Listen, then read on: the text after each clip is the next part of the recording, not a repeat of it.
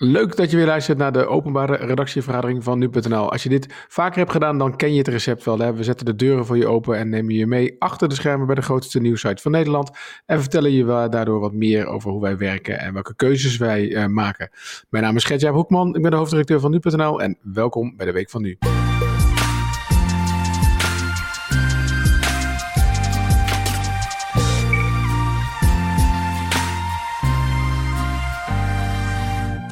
Ja, deze week gaan we het in de week van nu hebben over de Amerikaanse verkiezingen, um, Julien. Want uh, dat, nou, dat is nog maar een krap een maandje en dan is het al zover. Kan niemand ontgaan zijn dat daar veel om te doen is. Nee, precies. Ik had uh, uh, hiervoor, want soms, uh, misschien heb ik dat al eens vaker verteld hier, soms is het zoeken naar onderwerpen, soms weten ze het al wel zeker. En nu waren we er ook al wel vrij snel over uit.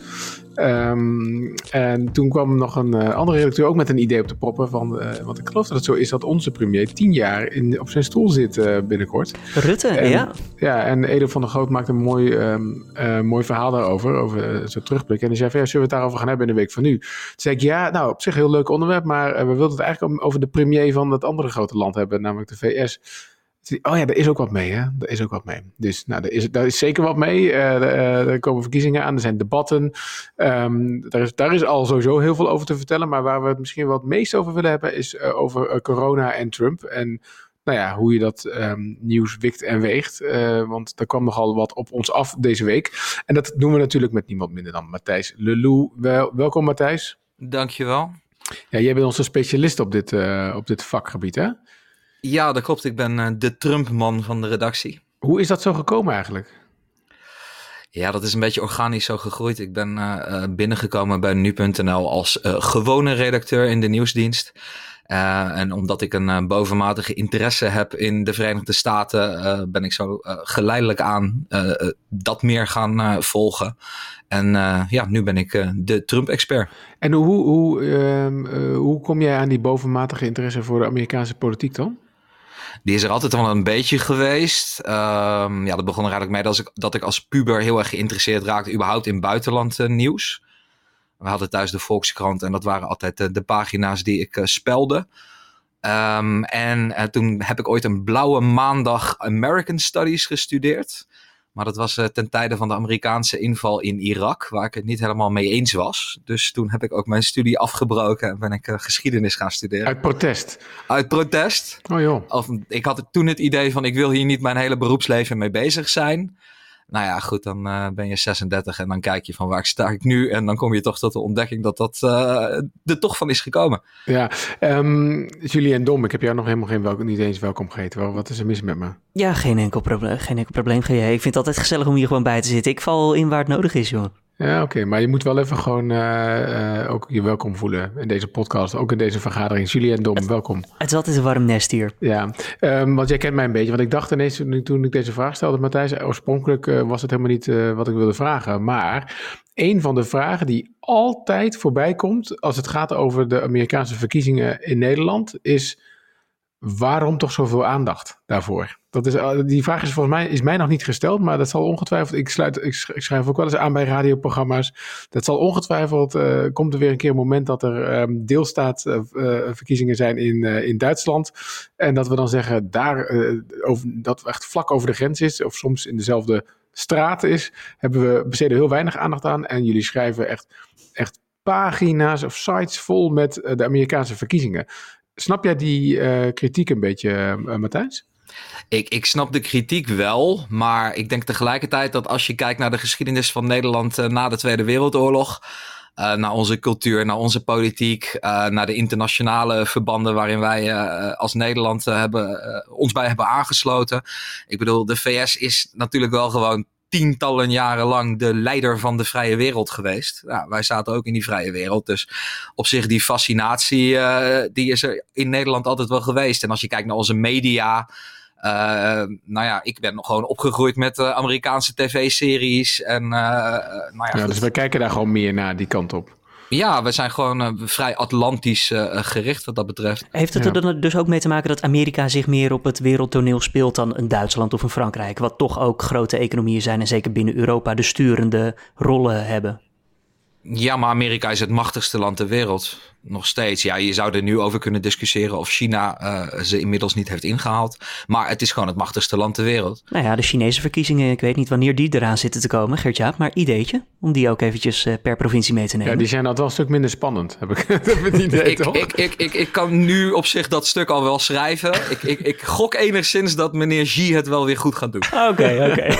ja, nee, maar dat is, dat is uh, nou goed, even een zijstraatje misschien. Daar kunnen we het later nog wel een keertje over hebben, maar... Um, uh, ja, je, je, er valt over te twisten inmiddels. Maar jij zegt, um, Matthijs, het is ook een beetje cultureel bepaald. De, geschi de geschiedenis uh, zijn we heel erg verbonden. Onze cultuur inderdaad, dus muziek, films en zo kijken we heel erg naar de VS. Aan de andere kant, economisch zijn we natuurlijk volgens mij veel meer afhankelijk van Duitsland en dat soort en Europa. Uh, maar goed, dat, uh, dat, uh, dat is voor ik een andere ik, keer. Ik, ik, denk dat de goede manier, als je de gemiddelde Nederlander Engels hoort praten. Wij krijgen dat allemaal op de middelbare school aangeleerd met een, een, Brits accent. Als je de gemiddelde Nederlander vraagt om Engels te praten, dan neigt dat eerder naar een Amerikaans accent. Ik denk dat daar redenen voor zijn. Ja, dat denk ik ook. we gaan het hebben over de baas van dat land, de heer Trump. En de heer Trump, die, um, nou, het nieuws hoe dat een beetje binnendruppelde, was eerst dat hij um, in contact zou zijn geweest. Hij moest eerst in quarantaine, want hij zou in contact zijn geweest met iemand die uh, corona had. Dus het was uh, preventief. Maar al vrij snel daarna kwam het beeld naar het nieuws naar buiten dat hij ook daadwerkelijk corona had. Ja, dat was vrijdag onze tijd. Donderdagavond Amerikaanse tijd deed Trump er zelf een tweet uit. En ja, daarin zei hij: ik, ik en mijn vrouw hebben corona. En um, wat ik eigenlijk uh, het meest interessante vind, hè, um, uh, en dit moeten we even goed uh, zorgvuldig denk ik zeggen, is dat um, nou ja, uiteraard bij alle berichtgeving van iedereen, alle uitspraken, kijken we altijd hè, van klopt dit wel of klopt dit niet. Hè? Dat, dat, dat gewoon, het, hoort bij het takenpakket van de journalist volgens mij. Maar ik denk dat het toch geen geheim is dat we dat bij misschien Trump net even iets meer doen dan bij een ander. En daar zijn ook goede redenen voor, toch Matthijs? Jazeker. Uh, nou ja, om te beginnen is het zo dat uh, het is niet uh, ongekend dat er in de VS geheimzinnig wordt gedaan over de gezondheidstoestand van een president. dat is gewoon traditie. je probeert dat als regerende partij zo lang mogelijk een beetje uit het zicht te houden totdat het echt niet anders kan. Um, en bij Trump komt daar natuurlijk bij dat hij ontzettend veel liegt, ontzettend veel verdraait. Uh, dus dan moet je altijd extra kritisch kijken naar wat er officieel naar buiten wordt gebracht. Ja, Matthijs, en, en, ik voel op zich daar al wel de vragen voor komen hoor. Dus misschien om die even voor te zijn, is dat is niet iets wat wij vinden, maar dat, hoe, hoe weten we dan dat dat zo is?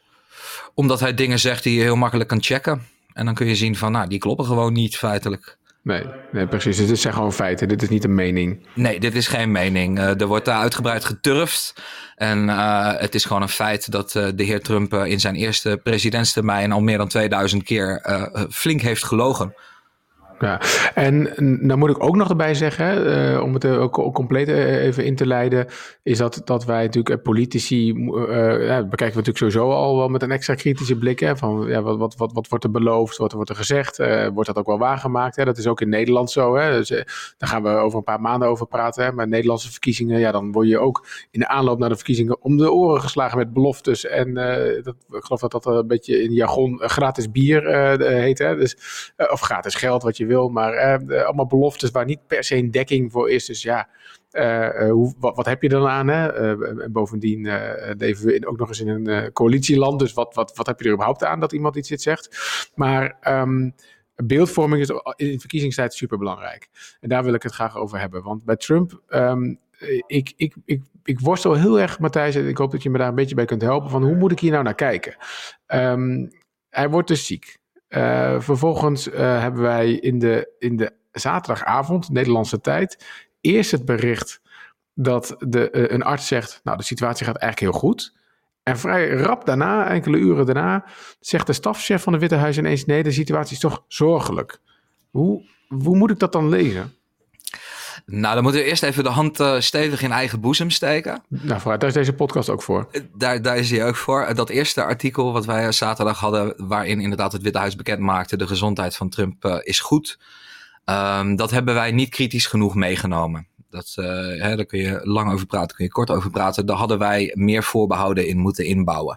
We hadden veel duidelijker moeten weergeven van ja, dit is gewoon het bericht wat door het Witte Huis naar buiten wordt gebracht. Zodat de lezer dat meteen weet. Uh, dat hebben we uh, niet voldoende gedaan. En daardoor kwam het dat als iemand zaterdagavond bij ons op de site keek in een bepaald half uur, dan kon die echt whiplash oplopen. Want je had eerst dat ene bericht, alles is goed. En daarna het andere bericht, de toestand is zorgelijk. Um, ja, hoe dat is gegaan, het is ook heel raar gelopen daar in de VS. Want uh, je had eerst een persconferentie van die arts van Trump, die dus een heel rooskleurig beeld schetste. Uh, wat later, naar later bleek, is toen de stafchef van het Witte Huis, Mark Meadows, um, die vond dat ook een beetje te gortig. Dus die is eh, direct na afloop naar allerlei journalisten toegelopen en heeft gezegd van nou, ik wil jullie off the record vertellen uh, dat het eigenlijk helemaal niet zo goed gaat. Dus en dan mogen jullie mij alleen als anonieme bron opvoeren. Um, wat die Meadows niet zo handig heeft aangepakt, is dat hij dat deed waar heel veel camera's en fotografen en andere journalisten bij waren. Dus nee. er werd eigenlijk al meteen duidelijk dat hij dan die vertrouwelijke bron was. Ja, en, en misschien om het, uh, uh, dat we dat ook beter hadden kunnen doen hoor. De, even over dat eerste bericht wat je zegt. Want die arts, die Sean Conley, die aan een persconferentie doet, dat is een arts die in dienst is van het Witte Huis. Ja, hij is de, de, de persoonlijke arts van, uh, van Trump. Ja, precies. En dat is misschien ook nog wel even dat hadden we misschien ook wel beter moeten uitleggen. Want je denkt eigenlijk, dat dit is een arts van een ziekenhuis. Dus waarom zou die meedoen aan, um, uh, nou ja, aan, een, aan, de, aan het framen van een bepaald verhaal, toch? Ja, uh, aan de andere kant is die vraag ook wat te beantwoorden. Want je hebt de, de, de machtigste man op aarde, die heb jij op jouw uh, behandeltafel liggen. En als die zegt van nou, ik wil absoluut dat je dit zegt of dat je dit niet zegt, dan moet je ook wel vrij stevig in je schoenen staan om dan te zeggen, nee meneer de president, uh, ik zeg lekker wat ik zelf wil. Ja, precies. Dus dat speelt ook mee. Maar de stafchef daarentegen, die is ook onderdeel van het Witte Huis. En als er nou iemand contact heeft met Trump, dan is het wel de stafchef. Dus je hebt, hebt hier te maken met twee verhalen die volgens mij tegenover elkaar staan. Waarbij je zou kunnen zeggen, beide zijn eigenlijk niet te vertrouwen. Waarom de een dan boven de ander? Nou, omdat uh, ook al wel vrij snel uitlegde dat uh, meneer Meadows, de stafchef in kwestie, uh, aardig... Um, een aardige uitbrander van president Trump heeft gehad. Die was er absoluut niet blij mee dat Meadows dat naar de pers had gelekt. Want over beeldvorming, hè, dat zei ik, daar wilde ik het graag over hebben. Um, wat is dan, hè, want je, je zou kunnen zeggen, nou, hij heeft, um, hij heeft het coronavirus uh, uh, opgelopen, dus hij is ziek. Um, naar het ziekenhuis toe gaan kan, kan positief bijdragen aan die, aan, die beeldvorming. Hè? Want dat, dat, dat laat misschien zien dat het heel erg is en dat hij er dan overheen komt. En dat, dat, dat maakt hem wel sterk als persoonlijkheid. Aan de andere kant kan juist niet naar het ziekenhuis uh, gaan ook heel sterk worden opgevat. Hè? Hoe zie jij dat, uh, Matthijs? Um, nou, dat, dat, daar laat je dan uh, uh, je analytische vaardigheden op los. En dan kijk je naar het grotere plaatje. Uh, het grotere plaatje is in dit geval dat we hebben tijdens de afgelopen maanden gezien dat president Trump het tijdens de campagne eigenlijk liever niet over het coronavirus had, maar over de Black Lives Matter protesten en de rellen die daaruit voortvloeiden. Dat was echt de focus van de Trump-campagne, heel duidelijk. Um, het kwam wat dat betreft, president Trump, politiek helemaal niet uit om zelf het coronavirus op te lopen. Nog los van het feit dat dat natuurlijk gewoon riskant voor je gezondheid is, dus dat wil je niet. Um, maar dat, dat, dat schetst geen gunstig politiek beeld. Um, we weten over uh, president Trump dat hij heel erg smetvreesig is. Uh, we weten dat ziekenhuizen voor hem zo'n beetje de ergste plek op aarde zijn. We weten ook dat hij uh, geen zwakheid wil tonen. Hij wil nooit zwakheid tonen. Dus toegeven dat je ziek bent is al een hele stap. Ja, als je al die dingen bij elkaar op een hoop gooit en je kijkt dan naar het feit dat, dat Trump naar het ziekenhuis gaat. Ja, weet je, daar kun je dan misschien geen keiharde conclusies uh, uittrekken, maar je kunt wel aan, aan onze lezers en bezoekers uh, vertellen van, nou ja, dat, dat is de context. Dus het, het, het lijkt erop dat, uh, dat je daar bepaalde conclusies uit kan trekken. Ja, precies. En, en, maar, maar bijvoorbeeld het gegeven dat zijn vrouw uh, uh, niet naar het ziekenhuis is gegaan. Hè? Wat, wat, wat zegt dat dan? Nou, ten eerste, ten eerste zegt dat gewoon dat ze minder ziek is. Hmm, ja, dat vooral. Want je gaat, je gaat natuurlijk... Uh, in de regel ga je alleen naar het ziekenhuis als dat moet. Ik bedoel, dat doe je, dat doe je niet voor je lol. Nee. Um, en uh, wat je ook moet meerekenen is dat Melania Trump, die is uh, flink jonger, die is bijna 20 jaar jonger dan haar echtgenoot. Dus die zit een stuk minder in de risicocategorie. Hij is begin 50. Volgens mij, hè, Matthijs, zei Trump, ja, she's a little bit younger, as most of you know. Die maakte er nog een grapje over. Ja, ja die, die haalde dat zelf inderdaad ook eventjes aan. Hij zei er ook bij van, nou, dus het is niet zoveel jonger, maar toch wel een beetje. And we're both doing well. Melania is really handling it very nicely. As you've probably read, she's slightly younger than me, just a little tiny bit. Uh, maar, maar goed, dat is toch bijna 20 jaar. En uh, um, ja, je kunt hier gewoon uit afleiden dat zij veel mindere ziekteverschijnselen heeft gehad dan, uh, dan president Trump. Ja, precies. Uh, en ondertussen, um, uh, want je had het net over de stafchef, uh, of tenminste als je een arts bent bij een ziekenhuis en, en de president zegt dit moet je zeggen, dan, dan moet je dat ook gewoon zeggen. Hè? daarna gebeurde er wel iets opmerkelijks, hè? want hij werd, werd, nou ja, beter, dat is niet per se opmerkelijk, maar hij bedacht ook dat hij even een uit, uitstapje kon maken vanuit het ziekenhuis. En daar kwam wel kritiek op, hè? vanuit een arts die geloof ik via Twitter zei dat het toch wel on, onverantwoordelijk was wat daar gebeurde. Zeker, en, en er komt wel meer kritiek op, want er zijn ook andere artsen die uh, heel erg hun vraagtekens hebben bij wat ons wordt verteld en uh, hoe Trump uh, zou zijn behandeld. En inderdaad, de uitstapjes die hij maakt, het feit dat hij weer uit het ziekenhuis ontslagen is. Um, hij zegt nu dat hij eigenlijk ook al wel heel snel weer op campagne kan. Hij wil aankomende zaterdag alweer een rally houden. Um, en zijn lijfarts die zegt van nou dat kan allemaal, maar daar zijn lang niet alle medische deskundigen het mee eens. Nee, en dan, wat denk je dan dat er gaat gebeuren? Uh, ja, dat, het is een beetje koffie te kijken. Maar als president Trump zo fit is zoals hij nu lijkt te zijn. Uh, er is natuurlijk heel veel afhankelijk van ja, uh, er kan gewoon, het coronavirus kan eventjes, je kan eventjes, kun je er weer wat beter voor staan en dan kan het virus weer keihard toeslaan. dus het is niet uitgesloten dat dat gebeurt. Maar als hij gewoon fit blijft, dan zou het zo kunnen dat hij inderdaad weer op een rally verschijnt. Ja, de, um, jij je vertelde iets over de uh, hand in eigen boezem voor het, uh, in de eigen nu.nl boezem van het, van het eerste stuk. Ik zat zelf nog al een paar keer deze week ook te kijken naar de, uh, de kop die wij hadden geplaatst bij het stuk toen hij weer terugkwam. Hè? En toen stond er, um, even kijken hoor, dus ja, Trump keert terug in het Witte Huis en doet meteen mondkapje af. Wat, wat vind jij van die, van die kop, Matthijs? Ja, dat is in dit geval lastig. Ik, ik moet er even bij zeggen dat, dit, dat ik dit stuk niet zelf geschreven heb. Dus, dit is dus ik vraag je nu eigenlijk om, uh, om kritiek om, te hebben op een collega. Een collega te, okay. bekritiseren. Nou, dan, zal ik het, nee, dan zal ik je niet aandoen. Dan, want, want dat, mij, dat mag ik wel doen als, als hoofdredacteur. Want ik, dan, ik vind het een beetje... Um, um, uh, stemmingmakerij of zo. Omdat je, tenminste, laat ik het zo zeggen, dat zou het zo uit kunnen opvatten. Omdat je denkt, ja, hij, hij komt het ziekenhuis, uh, of hij keert terug in het Witte doet met deze mondkapje af. Ja, mag dat niet dan? Mag, je niet, mag hij niet in zijn eigen ambtswoning, uh, op de plek waar die, waar waar werkt, mag hij daar dan niet een mondkapje op hebben? Het suggereert een beetje alsof hij er, alsof hij er maling aan heeft of zo. Snap je dat? Ja, dat snap ik. En, en, maar ik moet erbij zeggen dat mijn bezwaar bij deze kop is eerder dat de kop het niet genoeg uitlegt dan dat, de, dan dat het te suggestief is. Okay. Want uh, de context is dat toen president Trump terugkeerde in het Witte Huis, maakte hij daar ook echt een show van. Uh, hij werd met een helikopter aangevoerd. Uh, zijn campagne plaatste een, een, een vrij heldhaftig filmpje daarna. Um, hij ging op het balkon van het Witte Huis staan, hè, zwaaide daar naar de mensen. Um, hij nam daarna direct zelf dus die video op. Dan neem je ook aan dat daar heel veel staf bij betrokken is. En uh, het Witte Huis is de ambtswoning van de president, maar hij woont in één vleugel, hij werkt in de andere vleugel en er lopen altijd tientallen mensen in en uit. En iemand die waarschijnlijk nog besmettelijk is, omdat hij net een coronadiagnose heeft gehad. Uh, hij leek zich zeg maar niet veel aan te trekken van de voorzorgsmaatregelen die okay. de meeste mensen in dat geval zouden nemen. Maar dan heb je dus eigenlijk helemaal niet zoveel kritiek op de kop, toch? Want dan, want dan is het niet, want dan is het eigenlijk helemaal niet suggestief. Dan, dan is het, ik zeg namelijk, uh, dat lijkt uh, van het mag toch gewoon. En jij zegt ja, maar het is wel onverantwoord.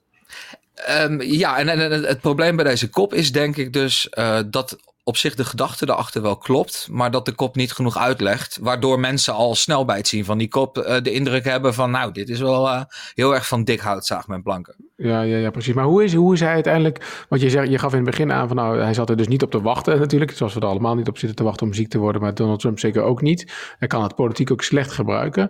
Vind je nou uiteindelijk overzien, zeg maar, met die terugkomst, dat hij het wel geprobeerd heeft om er, om om een politiek uh, gewin uit te halen, of in ieder geval ook in, in het kader van de verkiezingen? Ja, zeker. En hoe zie je dat dan? Nou ja, we, we, hadden het net al over, over dat vrij heldhaftig uitgevoerde terugkeerfilmpje. Um, de president die uh, uh, zegt nu van ja, ik heb het coronavirus verslagen. hij heeft letterlijk tegen de Amerikanen gezegd, dat was meteen de boodschap nadat hij terugkwam, van wees vooral niet bang voor dat virus.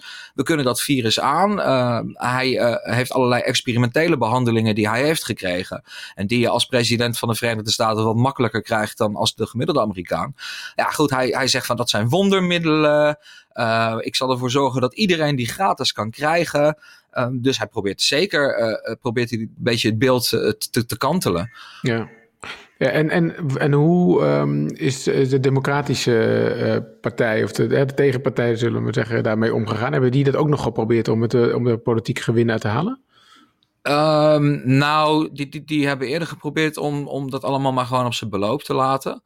Um, er zijn, zij zeggen elke, bij elke gelegenheid die ze krijgen, zeggen ze van nou, er zijn 210.000 Amerikanen eh, overleden aan het coronavirus. Dat is een vrij grim, grim statistiekje. Um, dus dat, dat kun je gewoon een beetje, een beetje blijven herhalen.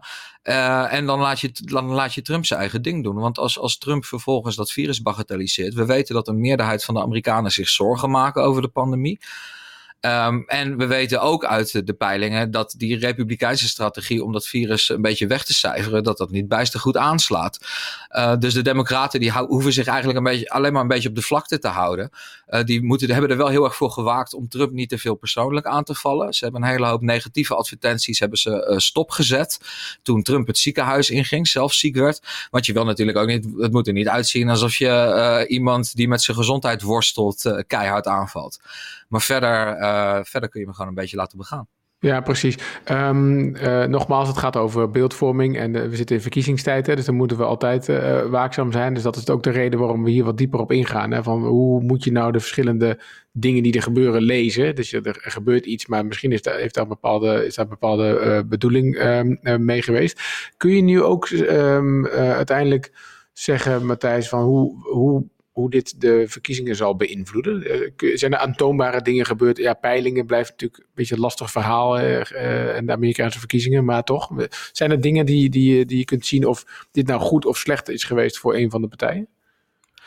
Ja, um, en dan kunnen we het gelijk meteen, meteen even over die peilingen hebben. Iedereen is natuurlijk heel huiverig voor peilingen sinds 2016, omdat hij voorspelde dat Hillary Clinton zou winnen en Trump er toen uiteindelijk met de winst van doorging. Uh, dat was inderdaad een, een fout in heel veel peilingen. Maar sindsdien uh, hebben ze ook geprobeerd om die fout recht te zetten. De fout was destijds dat uh, laag opgeleide witte mannen. die werden heel erg buiten beschouwing gelaten. En die kwamen massaal opdraven voor Trump uiteindelijk.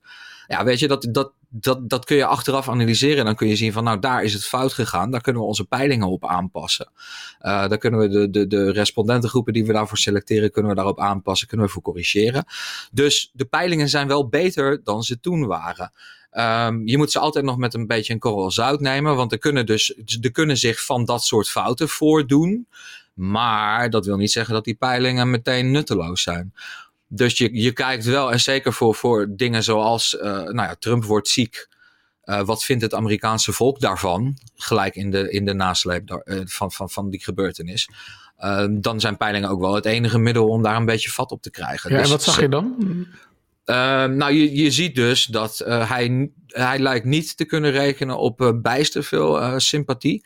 Het is nog vroeg, want er zit altijd een beetje een vertraging in peilingen. Want als er iets gebeurt, moeten eerst die peilingen worden gedaan en dat kost wat tijd. Dus, maar de eerste peilingen die we binnen hebben over hoe de Amerikanen hier naar kijken, die laten niet een, een grote sympathiebump voor Trump zien. Nee, en ondertussen zijn er ook al, uh, want de verkiezingen zijn eigenlijk al begonnen. Hè? Dat bericht hadden wij uh, vrijdag, of uh, vandaag als je dit van, op vrijdag luistert op de site, dat al 6,6 miljoen Amerikanen een stem hebben uitgebracht. Dat is volgens de mensen die de verkiezingen organiseren, duidt dat op een recordopkomst. Er zijn nu, wat is het, tien keer zoveel mensen die al gestemd hebben als de vorige, vorige tijd, voor, zeg maar, vorige keer rond dit tijdstip. Um, eh, ja, maakt dat dan nog wat uit? Uh, dat dat in de tijd is gebeurd dat hij ziek was? Um, nou, in, in, de zin, van, het illustreert dat, dat het dus allemaal, dat de verkiezingen al lopen. En dat er al breed wordt gestemd. Dus we, zijn, we zitten heel laat in de race. Um, er kunnen nu nog dingen gebeuren uh, die een hele grote invloed hebben op de uitslag. Dat is niet uit te sluiten, maar de tijd begint wel een beetje te dringen. Um, en als je kijkt naar de positie van Trump in de peilingen, um, hij, loopt, hij loopt echt heel erg achter in de peilingen. En wat is heel het erg? Weet je dat? Nou, uh, om, het, om, om, om dat even te illustreren, als je een peilingsfout van dezelfde omvang als die in 2016 neemt, als die weer zou gebeuren um, dan zou Trump volgens de peilingen nu alsnog de verkiezingen verliezen. Zo groot is zijn achterstand. Dus er moet, de, de, de, moet zich weer zo'n grote fout voordoen. Uh, willen de peilingen er weer zo naast zitten. Nou ja, ja. Dat, uh, uh, dat, dat, dat is al wel veelzeggend. Ja, Matthijs, jij, blijft dit voor ons volgen natuurlijk. En jij schrijft ook, daar wil ik tot slot nog even, even, toch nog even een shout-out naar doen. Jij schrijft elke week voor ons ook de verkiezingsupdate. Hè? Daar kunnen mensen zich op abonneren. Dat, is een, dat stuk is even wat anders dan andere stukken. Hè? Daar ben jij heel persoonlijk in. Je vertelt wie je bent en dat je vakantie bent geweest en zo. Um, wat ik hoef je niet te vragen waarom je dat doet, want dat doe je omdat ik je dat vroeg. maar, maar ik heb je dat gevraagd omdat ik soms belangrijk vind dat we wat uh, meer laten zien wie we zijn. En, en, uh, en misschien dat ons dat ook wel juist weer helpt in onze journalistiek. Hè? En daar, daar wil ik iets over vragen. Want, want wat levert dat op, zeg maar? Het feit dat jij zo met je naam zo naar voren gaat in zo'n stuk. Wat gebeurt er dan? Nou, ik merk dat, dat de lezers dat heel erg waarderen en dat ze me veel sneller persoonlijk aanspreken. Um, ik vraag ook in elke verkiezingsupdate uh, standaard van, nou ja, als mensen suggesties of tips hebben, dan kunnen ze me altijd mailen. Daar staat hè, mijn persoonlijke werk-e-mailadres bij. Um, en dan merk ik dat mensen mij heel persoonlijk aanschrijven en dat ze me veel sneller aanschrijven dan ze, dan ze normaal zouden doen. Nou hebben we zometeen de post hier bij de Week van Nu die we behandelen, Matthijs. Maar wat is nou de meest gevraagde, de meest gestelde vraag aan jou over de verkiezingen die je binnenkrijgt? Um, ja, dat hangt er een beetje vanaf. Je hebt, kunt de post verdelen in twee categorieën. Dat is één hate mail en twee de, de mails waar ik daadwerkelijk wat mee kan. Uh, de hate-mailers die willen altijd weten uh, hoe ik het over mijn hart kan verkrijgen om zo links de mensen te misleiden. Ja, goed, ik ben zelf niet uh, bepaald van mening dat ik dat doe. Maar goed, dat uh, even terzijde. Van de mensen die wat constructiever willen praten. Um, ja, die willen heel vaak toch wel uitleg hebben over bepaalde dingen. vragen over, die kunnen heel basaal zijn. Zoals hoe werkt het Amerikaanse kiesstelsel eigenlijk? Uh, tot de wat meer politieke junks die zeggen van nou, ik heb bij de New York Times dit onderzoeksverhaal gelezen. wat vind jij daar nou eigenlijk van? Maar uh, um, ja, in ieder geval heel waardevol, uh, Matthijs. Uh, zeker, ja. Nou, mooi zo. Hey, Matthijs, da dankjewel voor je, voor je uitleg en je kijk op, dit, ja, op het, het ziektebeeld van Trump en hoe dat zich afspeelt in, de, in het licht van de, van de verkiezingen. Um, even omdat dit een openbare redactievergadering is. Um, even een kijkje achter de schermen. Uh, wij nemen dit natuurlijk allemaal op vanuit huis. Hè. Dat gaat via een, een, een, videoprogramma waarin we elkaar ook kunnen zien. Tenminste, ik kan Matthijs niet zien, maar uh, Julien wel. En Matthijs, jij hebt een beetje een haperende internetverbinding. Je viel af en toe soort van weg. Alleen, we nemen dat volgens mij ook lokaal op op jouw computer, dat geluidsfragment. En ik zie dan steeds wel kijken Julien en ik elkaar aan van oké, niks zeggen, niet interrumperen. Misschien komt hij wel weer terug en je kwam iedere keer weer terug. Dus volgens mij, als het goed is, merkt helemaal niemand hier weer van. Maar wij vonden het spannend. Nou, ik, ik, ja, ik zie jullie dus wel. Dus ik, ik zag al wel dat er iets aan de hand was.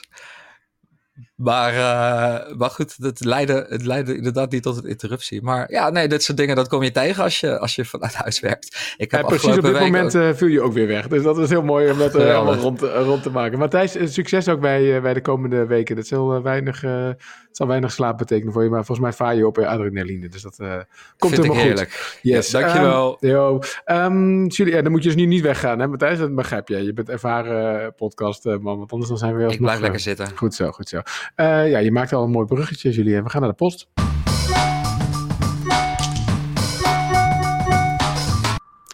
En de eerste die binnen is gekomen, laten we die even behandelen. Lucien Franksi, die schrijft... Uh, ja, de interviews of de antwoorden van de geïnterviewden in de podcast... zijn soms zachter dan de stem van de presentator. Meestal is het wel goed geleveld, maar af en toe betekent het toch... dat ze aan die volumeknop moet uh, jenksen. En... Dat heb ik ook wel eens. Ja? En ze ja. luistert ook op uh, een snellere afspeelsnelheid. Doe jij dat ook, Gert-Jaap? Nee, dat doe ik niet. Daar word ik heel onrustig van. Oké, nou ja, het wordt alleen maar lastiger natuurlijk hoe sneller je iets afspreekt als die niveaus niet gelijk zijn. Verder heeft ze wel complimenten over de manier hoe deze podcast zich ontwikkelt en hoe de presentatoren en hoofdredacteur zich kwetsbaar opstellen op vrijdag en ingaan op de vragen. Maar hoe komt het, uh, ja, Julien? Om daar antwoord op te geven, um, je ziet als je een opgenomen interview voor je hebt, dan zie je allemaal streepjes en balkjes van hoe het geluid eruit ziet op je scherm. Nou, soms ziet dat er mooi uit als één laagje, als een gelijke horizontale lineaal. Maar als je luistert, hoor je soms nog wel verschillen.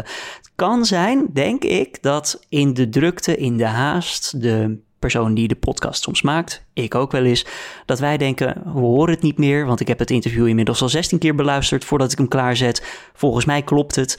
En dat er dan toch een klein verschil in zit. En ja, zo'n verschil wordt volgens mij alleen maar uitvergroot op het moment dat je hem of sneller afspeelt.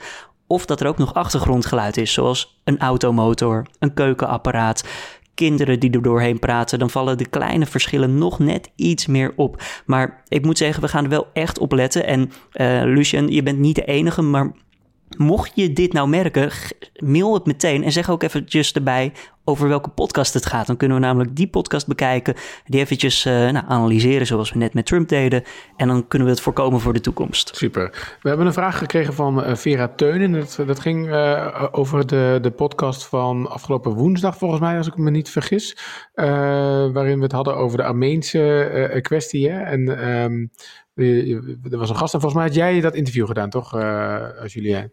Ja, um, over de, ja, de ja, strijd in Armenië en Azerbeidzjan momenteel. Ja. Volgens mij was het maandag trouwens, maar was oh, het woensdag? Nou ja, goed, wanneer het ook was.